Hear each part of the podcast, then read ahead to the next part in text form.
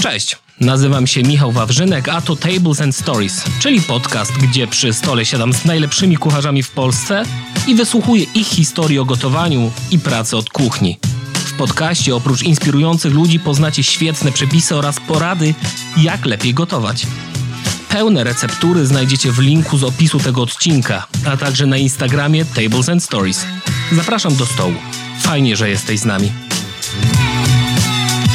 Z ziemi duńskiej do polskiej, kopenhaskiej do krakowskiej. Dzisiejszym gościem jest Mateusz Ulman, który na co dzień podbija stolicę Danii swoimi wypiekami. Cześć Mateusz. Witam. W swoim bio na Instagramie piszesz, że w pieczeniu jest coś romantycznego. Zdecydowanie. Mógłbyś się rozwinąć, co masz tutaj na myśli? Mam na myśli, że cały proces jest bardzo romantyczny. Ten proces wymaga, wymaga dużo wyczucia. E, tak jak i wiesz, na co dzień w romantycznej sytuacji między tobą a partnerką chociażby jest tym dużo wyczucia, tak i w, w relacji między tobą a mąką, masłem i, i wszystkim wokół e, tego, co, co się dzieje na stole, e, jest w tym dużo romantyzmu. E, w szczególności jeżeli chodzi o chleb, tam jest bardzo dużo romantyzmu. E, bardzo często jest tak, że że receptury nie oddają wszystkiego jeden do jeden. Receptura e, po angielsku to tylko i wyłącznie guideline, nie? I, i tak naprawdę zdarza się, że, że musisz musisz y, wsadzić w to dużo serca, dużo wyczucia, żeby, żeby to rzeczywiście miało, miało sens i, i, i wszystko miało miejsce w odpowiednim czasie, bo, bo ten timing tak samo ma ogromne znaczenie, w szczególności jeżeli chleb, chleb ma wyrastać i, i, i tak dalej, więc to jest bardzo, bardzo istotne. Stąd też ten, ten romantyzm, wydaje mi się. Czy jesteś romantykiem? Tak, wydaje mi się, że jestem romantykiem, niepoprawnym, ale, ale, ale jestem. I z tego... Zarówno w życiu, jak i, jak i em, profesjonalnie też. No. A z tego romantycznego powodu jeździsz maluchem? Tak, tak, ja jestem, e, jeżeli chodzi. Ale super pytanie. E, za, za tym maluchem stoi, stoi w 100% romantyczna historia możemy się do niej odnieść nawet, ponieważ ten, ten samochód był renowo, reno, jest po renowacji. Jest po renowacji. tak, zdecydowanie. Mm, ja ten samochód przygotowywałem przez okrągłe dwa lata do, do naszego ślubu, ponieważ ten samochód uratowałem od wyzbycia się go e, z rodziny, ponieważ to był pierwszy samochód mojej małżonki e, i, i tak naprawdę mam z nim bardzo dużo e, dobrych wspomnień, ciepłych wspomnień i, i w momencie, kiedy nasza teściowa, moja teściowa chciała go sprzedać, powiedziałem, w żadnym wypadku ten samochód musi zostać w rodzinie e, i tak też się stało. E, niestety moja małżonka była bardzo, bardzo przeciwna temu, żebyśmy jechali nim do, e, do ślubu, jako że stwierdziła, że ma za dużą suknię i, i na pewno na pewno się nie zmieści. Ja powiedziałem, no, no nie, w żadnym wypadku tak być nie może, jedziemy tym samochodem. Dołożyłem wszelkich starań, żeby, żeby błyszczał z każdej strony i, i, i tym maluszkiem pojechaliśmy. No. Łezka wokół się kręci. A jaki kolor?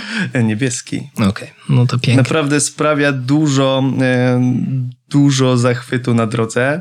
E, wydaje mi się, że jazda tym samochodem jest bardzo wdzięczną jazdą, ponieważ e, przykuwa uwagę każdego kierowcy na drodze i bardzo często zdarza się, że, że dostaje taką, taki uśmiech od ludzi, wiesz? to też przywołuje dużo wspomnień chyba, w szczególności u, u starszych ludzi. Często zaczepiają mnie na drodze gdzieś tam albo na parkingu. Słucham, wysłuchuję ich historii życia związanych z maluchem. No, czuję się po części gdzieś tam w tej, w tej grupie, gdzie ja też również mam tą historię swoją związaną z tym samochodem. Także to nie jest tylko taka jakaś moja fanaberia, gdzie, gdzie po prostu podobał mi się maluch. E, no ten samochód jest, e, no jest i na pewno będzie e, w rodzinie. Powiedz mi, czy masz jakiś wypiek, z którym masz jakiś taki szczególny, sentymentalny odczucia, który, który wiesz, który po prostu lubisz piec, bo, bo, bo czujesz dany wypiek?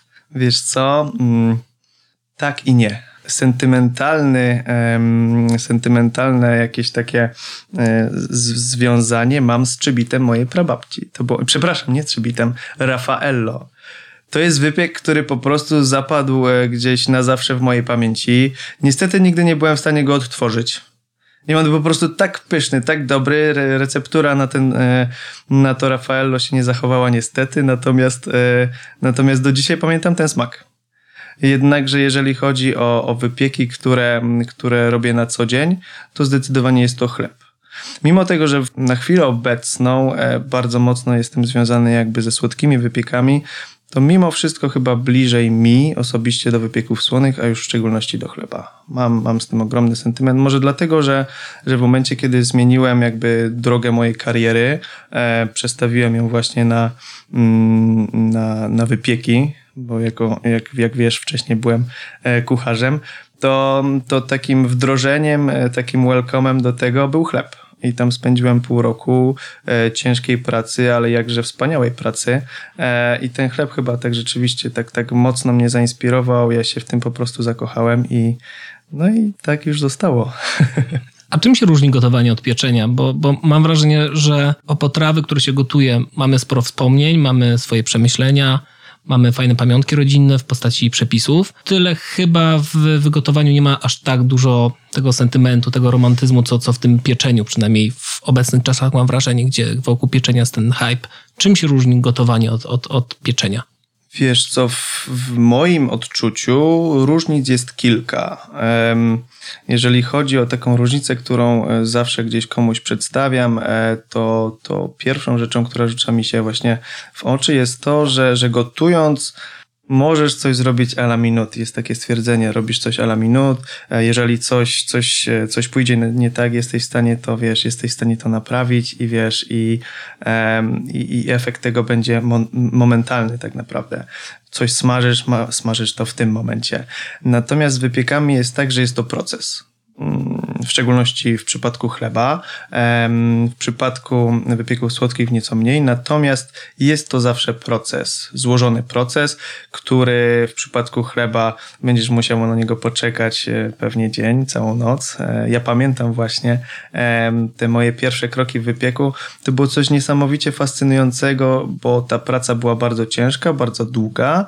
E, ja wracałem po, po tych 12 godzinach do domu, niesamowicie zmęczony, Natomiast kładąc się spać, ja byłem podekscytowany tym dniem następnym, e, że rano wstanę, wsiądę na rower, pojadę e, do piekarni, słuchaj, i będzie wypiek, nie? I wtedy zobaczę tak naprawdę, czy moja robota była dobrze zrobiona, czy może coś poszło nie tak. Tam jest tak dużo elementów, które mają wpływ na to, um, jaki będzie efekt końcowy, że naprawdę to są, to są małe rzeczy. To są temperatury rzędu, rzędu dwóch stopni czasami, wiesz, e, które mogą sprawić, że coś będzie fenomenalne, tudzież będzie średnie. E, więc to jest jedna rzecz, która właśnie sprawia, że, że jest to proces. Wydaje mi się, że, że, że proces też e, sprawia, że, że, że jakoś masz, masz z tym e, jakiś taki bliższy kontakt nawiązujesz jakąś taką relację, mimo tego, no śmiesznie o tym mówić, wiesz, relację z chlebem, ale nawiązujesz tą relację z chlebem, dbasz o ten chleb, o ten wypiek, wiesz, o to ciasto, o cokolwiek, co, co, co tak napra naprawdę robisz, wiesz, zaczynasz od momentu, kiedy, kiedy mieszasz składniki razem, wiesz, one, one nic tak naprawdę nie znaczą osobno, wrzucasz je do dzieży, tam je miksujesz e, i, i powstaje coś, co jest zaczątkiem do tego wypieku finalnego, nie? I to jest zarówno ciasto chlebowe, czy ciasto na krosanty i, i wiesz, mm, i to chyba sprawia, e, że, że jest to jakiś proces, który, który jest ci bliski, ty towarzyszysz temu procesowi zdecydowanie, więc, e, więc to jest ta jedna rzecz. Kolejną rzeczą jest to, że my jako ludzie, mm, wiesz co, wydaje mi się, przynajmniej patrząc z perspektywy mojego dzieciństwa, no jest kilka takich dań, które powiedzmy gdzieś zapadły mi w pamięć, jest, są bliskie memu sercu, natomiast zdecydowanie główną rolę grają desery. Desery, słodkie rzeczy. Gdzieś, wiesz co, jakaś jagodzianka, którą zrobiła, robiła babcia, e, ciasto mojej prababci, fantastyczne Raffaello, dużo różnych słodkich rzeczy, albo nawet nie wypieki, no, no w tym przypadku akurat to nie będzie wypiek, ale słodka rzecz, że pamiętam rabarbar, rabarbar chrupany prosto z ogródka mojej prababci, wiesz, z cukrem, nie? To są te słodkie rzeczy, wydaje mi się, że, e, że one też sprawiają, że, że zapadają bardziej w pamięć ze względu na to, że zawsze nawet podczas posiłku są na końcu. Wiesz, często w restauracjach zdarza się, że ty już nie pamiętasz, e, nie pamiętasz przystawki, a jednak ten deser, jeżeli był dobry, on jest zwieńczeniem całej kolacji, on zapada ci w pamięć, wiesz? Więc wydaje mi się, że, że to też jest to, że, że te desery, te słodkie rzeczy, słodkie wypieki jakoś, e, jakoś bardziej zapadają nam w pamięć i, i, i są blis, bliskie naszemu sercu, bliższe. No, super. Z czego według Ciebie bierze się ten hype na pieczenie i rzemieślnicze chleby? Od czasów pandemii mam wrażenie, że tak gdzieś to wybuchło w Polsce i, i skąd według Ciebie się to, to bierze? Wiesz co, ja jadąc, jadąc w czwartek do, e, do Krakowa z Warszawy, jako że miałem lot do Warszawy, e, usłyszałem bardzo, bardzo fajne stwierdzenie. Mianowicie e, brzmiało ono tak. Ktokolwiek wypalił się zawodowo w korpo, ten otwiera mikropiekarnię. jest, jest w tym chyba dużo prawdy. Natomiast chyba nie jestem w stanie jednoznacznie odpowiedzieć na pytanie, skąd ten hype nie wiem, może on po prostu został wykreowany przez ludzi. Nie, nie uważam, żeby, żeby był to zły hype. To jest bardzo dobry hype. To jest coś, co powoduje, że my wracamy do korzeni, że, że uciekamy od tego gotowca. E, nie będę tutaj wymieniał e, z, z marki danych piekarni, które no raczej nie działają na korzyść nas, e, jeżeli chodzi o, o jakość tego produktu. Natomiast jest to coś szybkiego, gotowego i wiesz, no i nie ukrywajmy tańszego. Natomiast ten hype spowodował, że ludzie są w stanie i chcą zapłacić więcej za dobrej jakości produkt. Wydaje mi się, że to jest dobry hype. Wręcz jestem przekonany. Okej, okay, a wróćmy jeszcze do tego, do tej różnicy pomiędzy gotowaniem a pieczeniem. Nasz wspólny znajomy Max Muka kiedyś mi powiedział, że kucharze to inni ludzie niż, niż piekarze, że, że, że jest duża różnica pomiędzy osobami, które wykonują te zawody i, i różnica pomiędzy tymi grupami zawodowymi. Ty widzisz coś takiego? Max, serdecznie cię pozdrawiam, natomiast się z tobą nie zgodzę. nie, nie, wydaje mi się, że, że nie. Chciałem powiedzieć, że, że zarówno zawód kucharza, jak i, jak i piekarza jest to zawód, który jest mocno związany z gastronomią. Jak też często można zauważyć, to mnóstwo kucharzy odchodzi od zawodu, tak jak to się stało w moim przypadku, e, od zawodu e, kucharza i, i, i zostało piekarzem. Wydaje mi się też, że takiemu kucharzowi znacznie łatwiej jest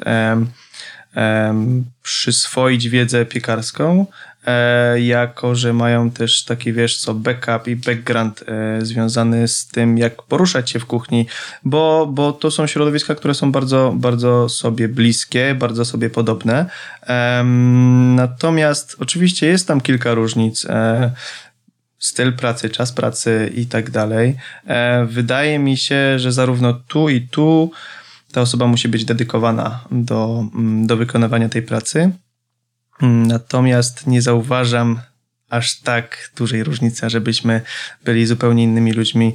Wręcz powiedziałbym, że, że nawzajem się inspirujemy, bo ja często zapożyczam pewne rzeczy z kuchni, stricte z tego, jak, jak łączę smaki. Co prawda, moje smaki są bardzo proste, bardzo klasyczne. Nie trzeba się tam doszukiwać jakiegoś zrozumienia, tak jak w kuchni czasami. Natomiast mimo wszystko, e, no jest, jest tak, że, że nawzajem się wspieramy, nawzajem się inspirujemy.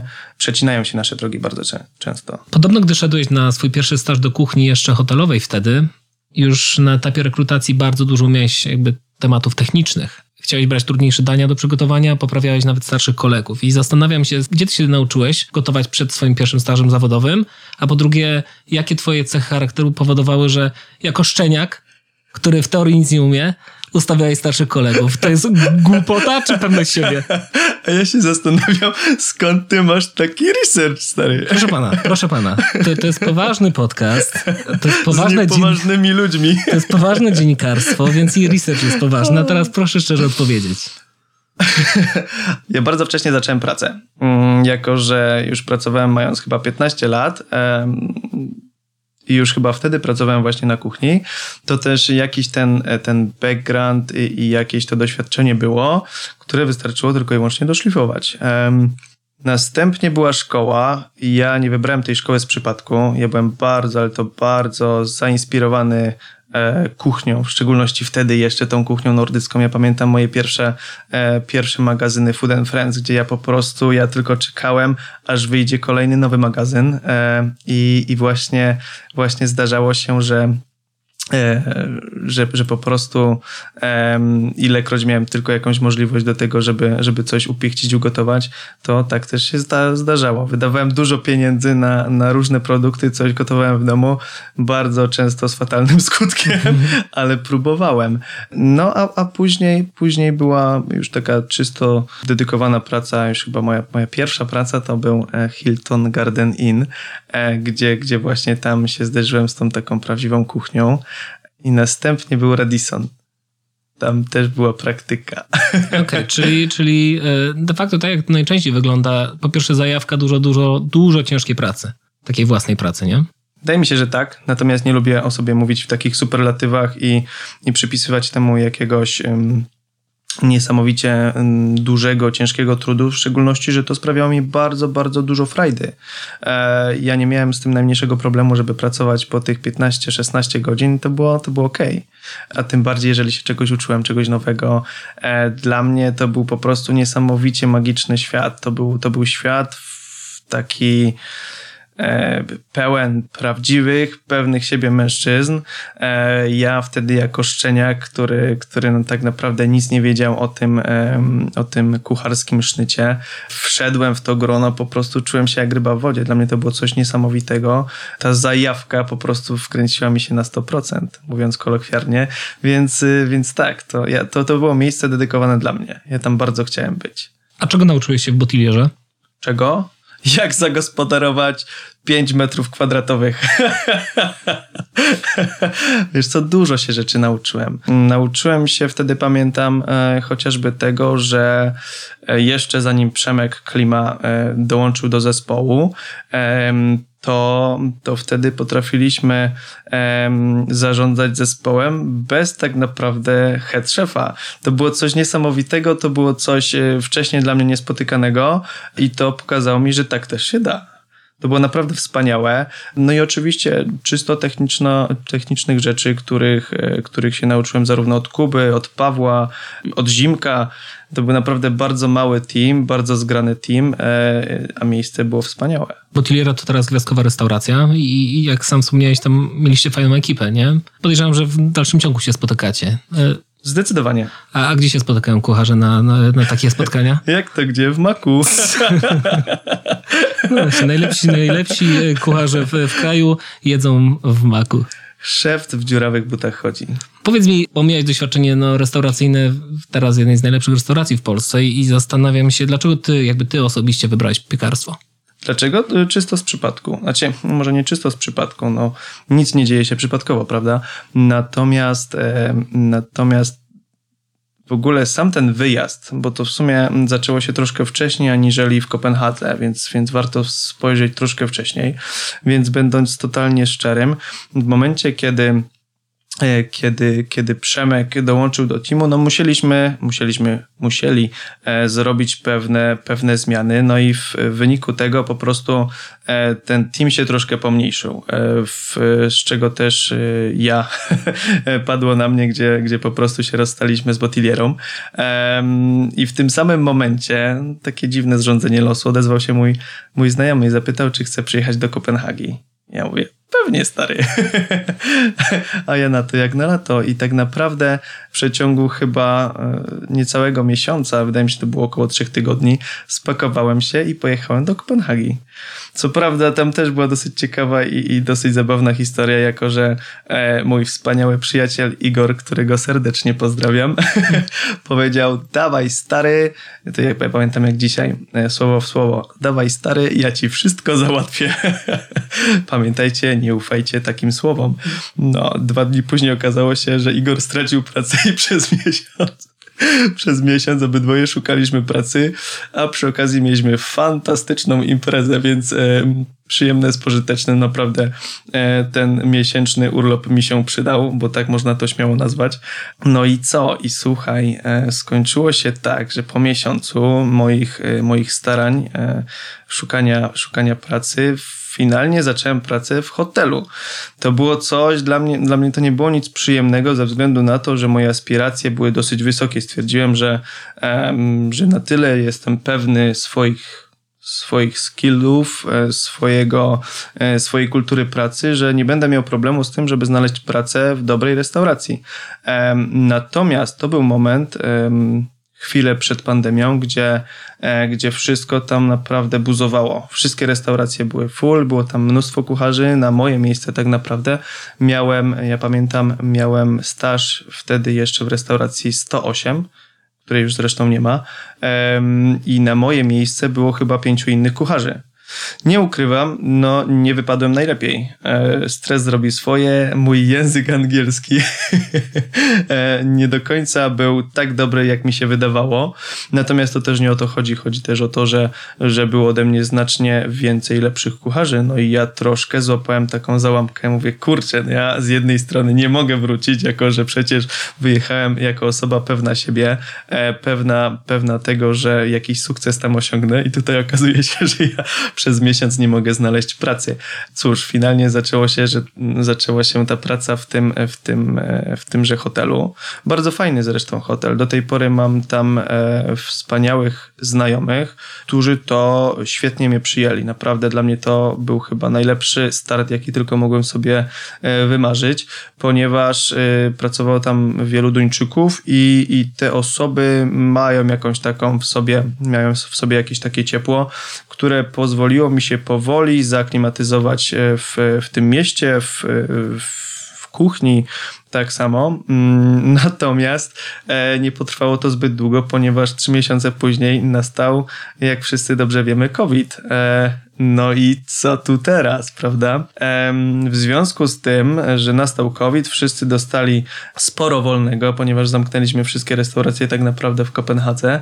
Przez pierwszych dwa tygodnie ja czułem się jak na wakacjach, bo to wspaniałe, jeździłem dużo rowerem. Natomiast ja nie lubię tak marnować czasu, nie lubię, e, nie lubię stać w miejscu. Jako, że już wcześniej interesowałem się piekarniami w Kopenhadze, interesowałem się tą, tą właśnie taką piekarniczą sceną, stwierdziłem też, że warto byłoby tak naprawdę spróbować sił i może, jako że to właśnie były jedyne takie, wiesz, e, jedyne miejsca, które funkcjonowały nadal, ponieważ piekarni nie zamknęli, stwierdziłem, że może udałoby mi się złapać na jakiś staż. Tymże, tymże sposobem właśnie dostałem się na staż do, do piekarni Andersen N. Maillard. E, za sprawą w sumie Patryka, e, Patryka Stafina, który wtedy właśnie już tam pracował. My zbytnio, zbytnio się nie znaliśmy, natomiast kojarzyłem go gdzieś właśnie e, z Instagrama chyba i napisałem właśnie, pamiętam, że, że napisałem do niego, czy nie potrzebują po prostu dwóch ekstra rąk do pracy kompletnie za free. Mm, po czym za chwilę, chwilę później dostałem odpowiedź, pewnie, a kiedy możesz zacząć? Ja wiem, no, kiedy chcesz to bądź jutro na piątą. Dobrze, w porządku. No i tak właśnie zaczęła się, zaczął się mój romans z piekarnictwem. Wtedy też właśnie poznałem pierwsze, e, postawiłem pierwsze kroki w takiej, w takiej profesjonalnej piekarni, gdzie naprawdę wiele się nauczyłem. Super. No i e, niby od przypadku doszliśmy do, do momentu, gdzie będziesz nam zdradzał przepis swój. Który to już teraz? To już teraz, więc jakbyś, jakbyś mógł powiedzieć, co, czego nas nauczysz. E, będzie to coś bardzo, bardzo prostego. Wydaje mi się, że, że prostota to coś, co jest mi bardzo, bardzo bliskie. To też e, dlatego będę wam tutaj proponował tartę tatę. Jest to coś niesamowicie prostego. To jest taki deser, e, to jest taki wypiek, który jak siedzimy właśnie ze znajomymi i, i zastanawiamy się, co by tutaj słodkiego zjeść i zamiast, e, zamiast iść do sklepu, ja mówię, dobrze, mamy jabłka, mamy, e, mamy gotowe ciasto francuskie, oczywiście, które też można zrobić samemu, natomiast jeżeli ma być prosto i szybko, to, to wtedy gotowe ciasto francuskie, karmel i nic więcej, trochę czasu. Czas, wydaje mi się, e, jest tutaj kluczowy. Czas e, w każdym jednym wypieku jest bardzo, bardzo kluczowy ze względu na to, że, że bardzo łatwo jest coś wysuszyć, przepiec, można też nie dopiec, więc ten czas jest bardzo, bardzo istotny. I co? Karmel. Karmel to, to niesamowicie banalna sprawa. Karmelizujemy karmel, e, przepraszam, karmelizujemy cukier e, na średnim ogniu e, do momentu, aż osiągniemy taki słomkowy kolor. Następnie e, zalewamy go, jako że to będzie słony karmel, zalewamy go ciepłą śmietanką. To jest bardzo istotna sprawa, ażeby żeby tą śmietankę wcześniej podgrzać. Jeżeli nie podgrzejemy tej śmietanki, to karmel nam się po prostu zetnie, wiesz, w momencie, kiedy zalejesz coś bardzo gorącego zimną wodą, w sensie gorący karmel zimną wodą, to oczywistym jest, że, e, czy, czy zimną śmietanką, e, to oczywistym jest, że on po prostu nam się e, skrystalizuje. A tego chcemy uniknąć, więc zalewamy go wcześniej podgrzaną śmietanką i energicznie mieszamy, ażeby nam powstała taka bardzo fajna konsystencja karmelu. Następnie odrobina masła, ażeby troszkę wzbogacić ten smak. Szczypta soli, mamy gotowy karmel. Super. Mówiłeś o jabłkach. Y, opcjonalnie możemy użyć inne owoce, czy raczej rekomendujesz tutaj jabłka? Generalnie rekomenduję różne twarde owoce. Jako, że ten czas e, będzie, mm, będzie dosyć długi, około 20 do 30 minut w zależności od piekarnika, to, to proponuję coś, co będzie stosunkowo twarde. Może być jabłko, może być gruszka. E, za niedługo przecież e, będziemy mieli właśnie te owoce. Możemy też użyć, nie wiem, chociażby owoców, które mamy w tym momencie, czyli jakaś brzoskwinia, która się już pojawia. Um, i, I jak najbardziej się to dobrze sprawdzi. Mówi, że możemy użyć ciasta francuskiego tego kupionego w sklepie. Czy mhm. na coś zwracać uwagę, gdy, gdy wybieramy takie sklepowe opcje, czy de facto... Szczerze mówiąc, ja bardzo często polecam mrożone ciasto francuskie. Mhm. E, mrożone ciasto francuskie jest nieco grubsze zauważyłem, że, że te płaty, które są e, w kwadratach są nieco grubsze, a my chcemy mieć taką fajną, grubszą teksturę tego ciasta e, francuskiego. Te, które są w tych rulonach, one często raz, że się rwą, zdarza się, a dwa, że, że są dosyć cienkie, więc, więc osobiście, jeżeli, jeżeli korzystam z gotowców, to, to jest to ciasto mrożone. Ok, czyli mamy pokrojone owoce, mamy ciasto francuskie, mamy przygotowany karmel. Jak to składamy i wkładamy I do teraz, piekarnika? Teraz e, bardzo istotne, będzie nam potrzebna e, patelnia z metalową rączką. Tudzież coś, co nie, co, co, co nie, nie posiada niczego plastikowego. Jest to bardzo, bardzo istotne. Może być też jakieś e, naczynko żaroodporne. To już tutaj jest dowolność tego, co mamy tak naprawdę pod ręką. Ja bardzo często, tak jak mówię, używam, używam patelni z metalową rączką. Wylewamy karmel karmel na spód, e, na spód e, patelni. Następnie układamy owoce, układamy je tą przekrojoną częścią do dołu. Jeżeli, jeżeli kroimy powiedzmy całe jabłka w połówki, to, to układamy je tą przeciętą stroną do karmelu, ponieważ stworzy nam się wtedy taka bardzo ładna skarmelizowana część tego jabłka, która później będzie widoczna na talerzu. E, w momencie, kiedy ułożymy wszystkie owoce, przykrywamy je, przykrywamy je ciastem, e, i zapiekamy. Bardzo istotne przed zapieczeniem mm, dwie, trzy dziurki, ażeby ta para, która będzie uciekać, miała miejsce, ażeby uciec i wtedy nie, nie będzie nam się nigdzie tam, wiesz, e, jakby rozwarstwiać to ciasto na bokach, nie będzie nam nic tam uciekać. Więc te trzy dziurki bardzo istotne. E, I co? Około 20 do 30 minut bardzo ważnym jest, żeby kontrolować to gdzieś tam okiem. Ja nigdy nie ufam tym piekarnikom, szczególnie tym, szczególnie tym domowym, ponieważ jak wiadomo, każdy piecze inaczej. To też, to też warto po prostu zajrzeć od czasu do czasu. Czasami tych 5 minut może zrobić naprawdę dużą różnicę, więc, więc warto się tym, po prostu warto się tym zajmować, po prostu od czasu do czasu gdzieś tam spojrzeć. Okej, okay, ale kiedy stwierdzić de facto, że okej, okay, to wygląda już dobrze, mhm. możemy wyciągać. Wydaje mi się, że zawsze tutaj kwestią kluczową jest kolor. Jeżeli widzisz piękny, skarmelizowany kolor ciasta, które, nie wspomniałem, e, wcześniej należy posmarować e, rozbełtanym jajkiem z, z odrobiną mleka, przynajmniej ja tak robię. E, jeżeli widzisz, że to, że to ciasto jest naprawdę bardzo fajnie skarmelizowane z zewnątrz, to wiesz, że to ciasto już jest gotowe. Całe jajko, czy tylko żółtko? Ja używam całego jajka. Nie lubię marnować. Okej, okay, super. Super. Podajemy to z jakimiś lodami, czy same ciasto? Ja osobiście podałbym to z lekko um, ubitą śmietaną. Chociaż jako, że e, widzę, że za oknem mamy e, naprawdę fajną temperaturę, 22 stopnie dzisiaj, to myślę, że gałka lodów waniliowych też świetnie się sprawdzi. Piekarz to oczywiście nie tylko chleb, ale też pyszne słodkości, z których no zresztą też słyniesz na, na, na Instagramie. Dlaczego ludzie tak lubią słodkie rzeczy? Hmm. Ciekawe pytanie. Często sam się zastanawiam, dlaczego ludzie tak bardzo lubią słodkie rzeczy. Wydaje mi się, że to jest to w naszej naturze. My no, często też uzależniamy się od cukru. Lubimy słodkie rzeczy. Natomiast wydaje mi się, że to, to też nie jest e, do końca odpowiedź satysfakcjonująca. Mm, ludzie lubią słodkie wypieki ze względu na to, że raz, że są piękne, smaczne, no a dwa, jakoś też koją duszę. Tak mi się wydaje, że jeżeli masz coś ładnego, piękny wypiek, to, to raz, że jesz oczami, te słodkie wypieki, jak zauważyłeś, no raczej nie są brzydkie.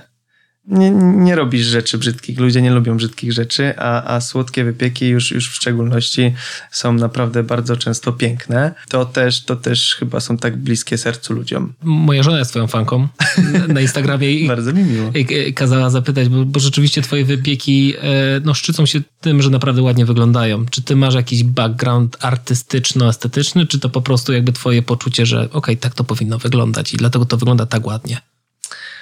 No i w tym momencie, jeżeli ktoś nie widzi, to się zaczerwieniłem. Wydaje mi się, że jest to poczucie estetyki, które, nad którym wciąż pracuję, mm, które wciąż staram się e, jakby mm, dopracować, wypracować. Nie wiem, co tutaj będzie odpowiednim, odpowiednim słowem. Jeżeli, by, jeżeli już tak rzeczywiście naszym odniesieniem do tej rozmowy jest Instagram, to jeżeli przewiniesz to do samego dołu, tego poczucia estetyki było znacznie mniej. Jest to rzecz, nad którą pracuję od, od, od, pewnego czasu. To jest to proces, jest tutaj praca, którą w to wkładam. Natomiast wydaje mi się, że w tym momencie, już niespełna rok, jestem w Muzeum Designu. Jest to miejsce, które bardzo mnie inspiruje, które ma ogromny wpływ na to, w jaki sposób postrzegam e, estetykę, w jaki sposób postrzegam pewne rzeczy, chociażby te wypieki, które robię. Staram się, staram się dopasowywać do otoczenia. W momencie, kiedy prowadziłem piekarnię em, i była to taka neighborhood bakery, można by powiedzieć, ona była na uboczu, e, z dala od, e, od, od centrum, to, to ten styl też tam był nieco inny. W tym momencie jesteśmy w miejscu, które zobowiązuje, więc, e, więc te, te, te moje słodkie wypieki też chciałbym, żeby, żeby w jakiś sposób były skorelowane z tą sztuką. Nie, nie uważam, żeby, żeby to, to była po prostu sztuka, natomiast, natomiast w jakiś sposób chcę, chcę nawiązać tą relację moimi wypiekami z, z tym, co, co tak naprawdę wiesz, z całym tym, tym doświadczeniem, którego doświadczasz w Muzeum Designu. Twoją profesją jest bycie piekarzem. Coraz lepszym, coraz bardziej uznanym, jesteś w tym profesjonalistą. Jakie cechy według ciebie powinien mieć idealny wypiek? Następne pytanie? nie no, nie wiem, e, szczerze mówiąc, szczerze mówiąc, e, powinien być dobry, powinien być smaczny. Nie, nie, podnoszę, nie podnoszę wypieków do rangi dzieła sztuki, nie podnoszę tego do rangi, nie wiem, fine diningowych e, restauracji, gdzie, gdzie tam naprawdę masz pewne oczekiwania, że, e, że to danie, nie wiem, albo cię zaskoczy, albo, albo pobudzi niesamowicie twoje zmysły i tak dalej. Dla mnie to, czym się kieruję, to to, że rzecz ma być smaczna, ma być po prostu takim small pleasure. Nie ma w tym nic takiego głębokiego. To ma być dobre. A znasz takiego faceta jak e, Will Goldfarb? Nie. To jest facet, który ma mm, restaurację, cukiernię na Bali. Mhm. E, swego czasu, chyba w 2021 roku, był najlepszym cukiernikiem na świecie. Tak, znam. Już teraz wszystko wiem. E, I kiedyś powiedział takie fajne zdanie, że desery, wypieki, słodkości przede wszystkim muszą być smaczne. Fajnie, jakby były ładne, a bonusem byłoby, jakby były jeszcze interesujące. Też byś to ułożył w takiej kolejności? W stu procentach się zgadzam. A masz wrażenie, że czasem niektóre piekarnie, mm, cukiernie przywiązują większą wagę do punktu B, czyli do wyglądu niż do smaku? Zdecydowanie. Zdecydowanie wydaje mi się, że to jest pokłosie e, obecnych czasów, gdzie, mm, gdzie wszystko musi być ładne, e, w szczególności jeżeli chodzi o social media, no bo jednak to jest kanał, którym najczęściej komunikujemy się z klientami i bardzo często zdarza się tak, że, że coś wygląda fantastycznie, a niekoniecznie dobrze smakuje. To nie, nie jest to nic fajnego. E, zdarzyło mi się kilka razy zawieść jakimś miejscem. Natomiast, natomiast wydaje mi się, że to jest po prostu nieodzowna część tego, tego całego marketu. Ale to tylko i wyłącznie działa na naszą korzyść profesjonalistów, którzy przykuwają uwagę zarówno do kwestii A, B, jak i C w takiej kolejności, a nie innej. Powoli zmierzając do końca naszej rozmowy, e, no nie możemy uciec od Kopenhagi. Już wiemy, że jesteś tam przypadkowo e, troszeczkę, e, ale Kopenhaga to jest twój plan na stałe, czy, czy nie? Nie wiem, nie lubię planować. Kiedyś wcześniej więcej planowałem, okazało się, że często się okazywało, że te plany jednak e, trzeba było na prędce zmieniać, tudzież z pewnych sytuacji, nie wiem, zarówno życiowych, jak i po prostu e, czysto losowych, coś jednak nie poszło po mojej myśli, to też nie planuję. Na chwilę obecną zdecydowanie tak. E, moja kariera. Mm, jakby w większej części e, dzieje się tam. E, natomiast ja, ja lubię Polskę, lubię, lubię moją wiochę, lubię tam wracać, lubię moją rodzinę. E, to jest coś, czego bardzo mi brakuje i, i nie wiem, czy na dłuższą metę będę w stanie mm, nie chcę mówić tylko o sobie, bo, bo powinienem mówić zarówno o mnie, jak i mojej małżonce, to, to nie wiem, jak będzie gdzieś tam powiedzmy za rok, dwa, trzy zdecydowanie robimy sobie taką furtkę e, na to, żeby móc tutaj wrócić. Natomiast na chwilę obecną jest nam powiedzmy, e, jest nam tam dobrze, wygodnie. No i szczerze mówiąc, jednak mieszkając w Europie, no nadal czujesz się jak w domu. Wsiadasz w samolot, półtorej godziny jesteś w domu, więc, więc znowu nie wyjechaliśmy na drugi koniec świata i nie musimy podejmować aż tak drastycznych decyzji, czy zostajemy tu, czy wracamy, więc, więc czujemy się póki co bezpiecznie i, um, i, i, i jest nam tam dobrze. Natomiast jeżeli coś się zmieni, to, to może wrócimy. Na pewno dla Europejczyków Kopenhaga jest stolicą dobrego jedzenia. Czy naprawdę jest tak, że w każdym miejscu w tym mieście czuć tą różnicę w jakości dań i produktów w porównaniu do Krakowa czy, czy, czy Warszawy do Polski? Ewidentnie czuć, że jedziesz do miasta, gdzie rzeczywiście lepiej karmią? Nie, zdecydowanie nie. Znaczy, wydaje mi się, że, że, że my jako, mm, powiedzmy teraz uogólnie to jako Polacy, mamy kompleks e, Zachodu, kompleks chociażby właśnie e, w stosunku do Skandynawii, natomiast wydaje mi się, że nie mamy się czego wstydzić. Jeżeli chodzi o wypieki, no bo powiedzmy tego tyczy się nasz, nasz podcast dzisiejszy, to naprawdę nie mamy się czego wstydzić. Wypieki tutaj są naprawdę na bardzo wysokim poziomie. Um, zarówno wypieki, jak i jedzenie również tutaj potrafi być na, na wysokim poziomie. Ok, no teraz mamy powiedzmy odniesienie do tego Krakowa, który jak dzisiaj wspomnieliśmy podczas kawy, e, no jest bardzo turystyczny, jest taki one time shot e, i, i wiesz co, no to nie jest nic dobrego. Natomiast mamy tutaj kilka naprawdę fantastycznych e, lokali, do których, do których ludzie wracają, a to jest chyba tym wyznacznikiem tej jakości zarówno i, i wydaje mi się, że, że na pewno nie odbiegamy aż tak bardzo, albo w ogóle nie odbiegamy, może nie, nie w ogóle, nie odbiegamy aż tak bardzo od, y, od tych standardów, które są w Kopenhadze. E, będąc w Kopenhadze, co powinniśmy spróbować według Ciebie? Bułki z serem.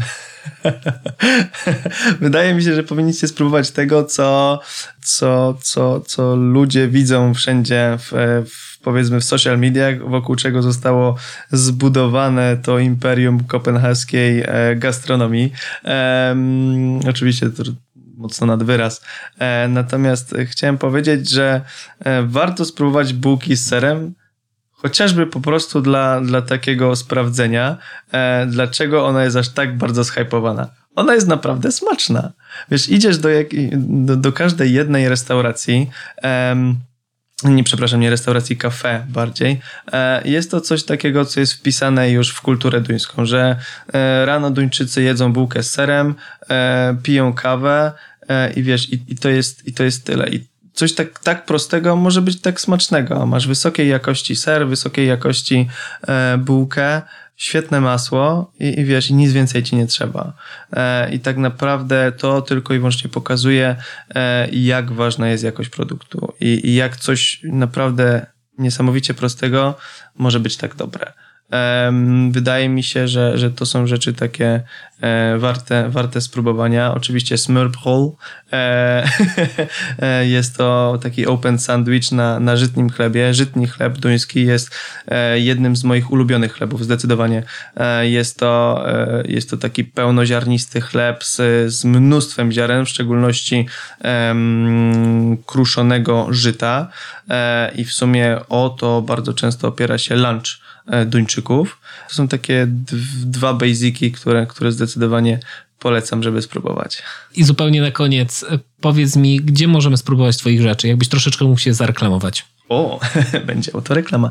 Możecie mnie spotkać w Muzeum Designu na Bredegill 68. Okej. Okay. E, I czym się tam zajmujesz? Jestem, na chwilę obecną, jestem head of pastry w, w cafe Format a już niebawem będziemy otwierać e, naszą małą, e, małą cukierenkę. W sumie bardziej kafe niż cukiernię, ale, ale z kolejnymi fajnymi wypiekami. Super. I też niebawem będziemy mogli e, spróbować Twoich rzeczy na pop-upie w Polsce, prawda? Zdecydowanie. Zapraszam Was do Gdyni. Super. I jeszcze raz na koniec seria krótkich pytań. Pierwsze wspomnienie kulinarne. Raffaello, prababci Czesi. Street food czy restauracja z gwiazdką? Street food. Wolisz śniadanie słone czy słodkie? Słone. Kawa czy herbata? Kawa? Najbardziej przereklamowany składnik w kuchni? Hmm. Nie wiem. Składnik, który jest niedoceniany, a robi wielką różnicę. ale, ale stary, nie lubię krótkich pytań. Jestem okropny w tym. Ehm, wydaje mi się, że będzie to, e, będzie to sól, chociaż ona jak najbardziej jest doceniana, natomiast w piekarnictwie robi ogromną różnicę. Okay, spróbujmy jeszcze raz z najbardziej przereklamowanym składnikiem w kuchni. I stary, pierwsze co mi się rzuca na, na myśl to jest złoto w płatkach, ponieważ słuchałem e, wywiadu z Maro Cafaro, e, którego serdecznie pozdrawiam. Natomiast kolejną przereklamowaną rzeczą są wszystkie składniki sosy, czyli wszystkie te takie dehydrowane e, rzeczy i tym podobne. Bardzo tego nie lubię. Dehydrowane maliny, o właśnie, nie cierpię, okropne. I zupełnie na sam, na sam koniec twoje guilty pleasure. Ptyś. Ptyś? Ptyś. Ptyś zdecydowanie. On jest tak cholernie ciężki i naładowany kremem waniliowym, którego jem tylko i wyłącznie jak, jak czuję, że potrzebuję dużo słodkiego i, i, i na drugi dzień muszę zrobić dużo pompek i przysiadów i, i to jest moje guilty pleasure. pleasure. I, i, I, tym ptysiowym akcentem e, kończymy dzisiejszy odcinek. E, gościem był Mateusz Ulman. Dzięki Ci, Mateusz. To ja dziękuję. Dzięki za wysłuchanie tego odcinka. Pamiętaj, że pełen przepis znajdziesz w linku w opisie. Nie zapomnij też o tym, że ocenianie i komentowanie podcastu Rączek nie brudzi. Jeśli podobał Ci się ten odcinek, proszę oceń go w Spotify lub skomentuj na innej platformie, z której korzystasz. To naprawdę sporo dla mnie znaczy. Dzięki i do usłyszenia.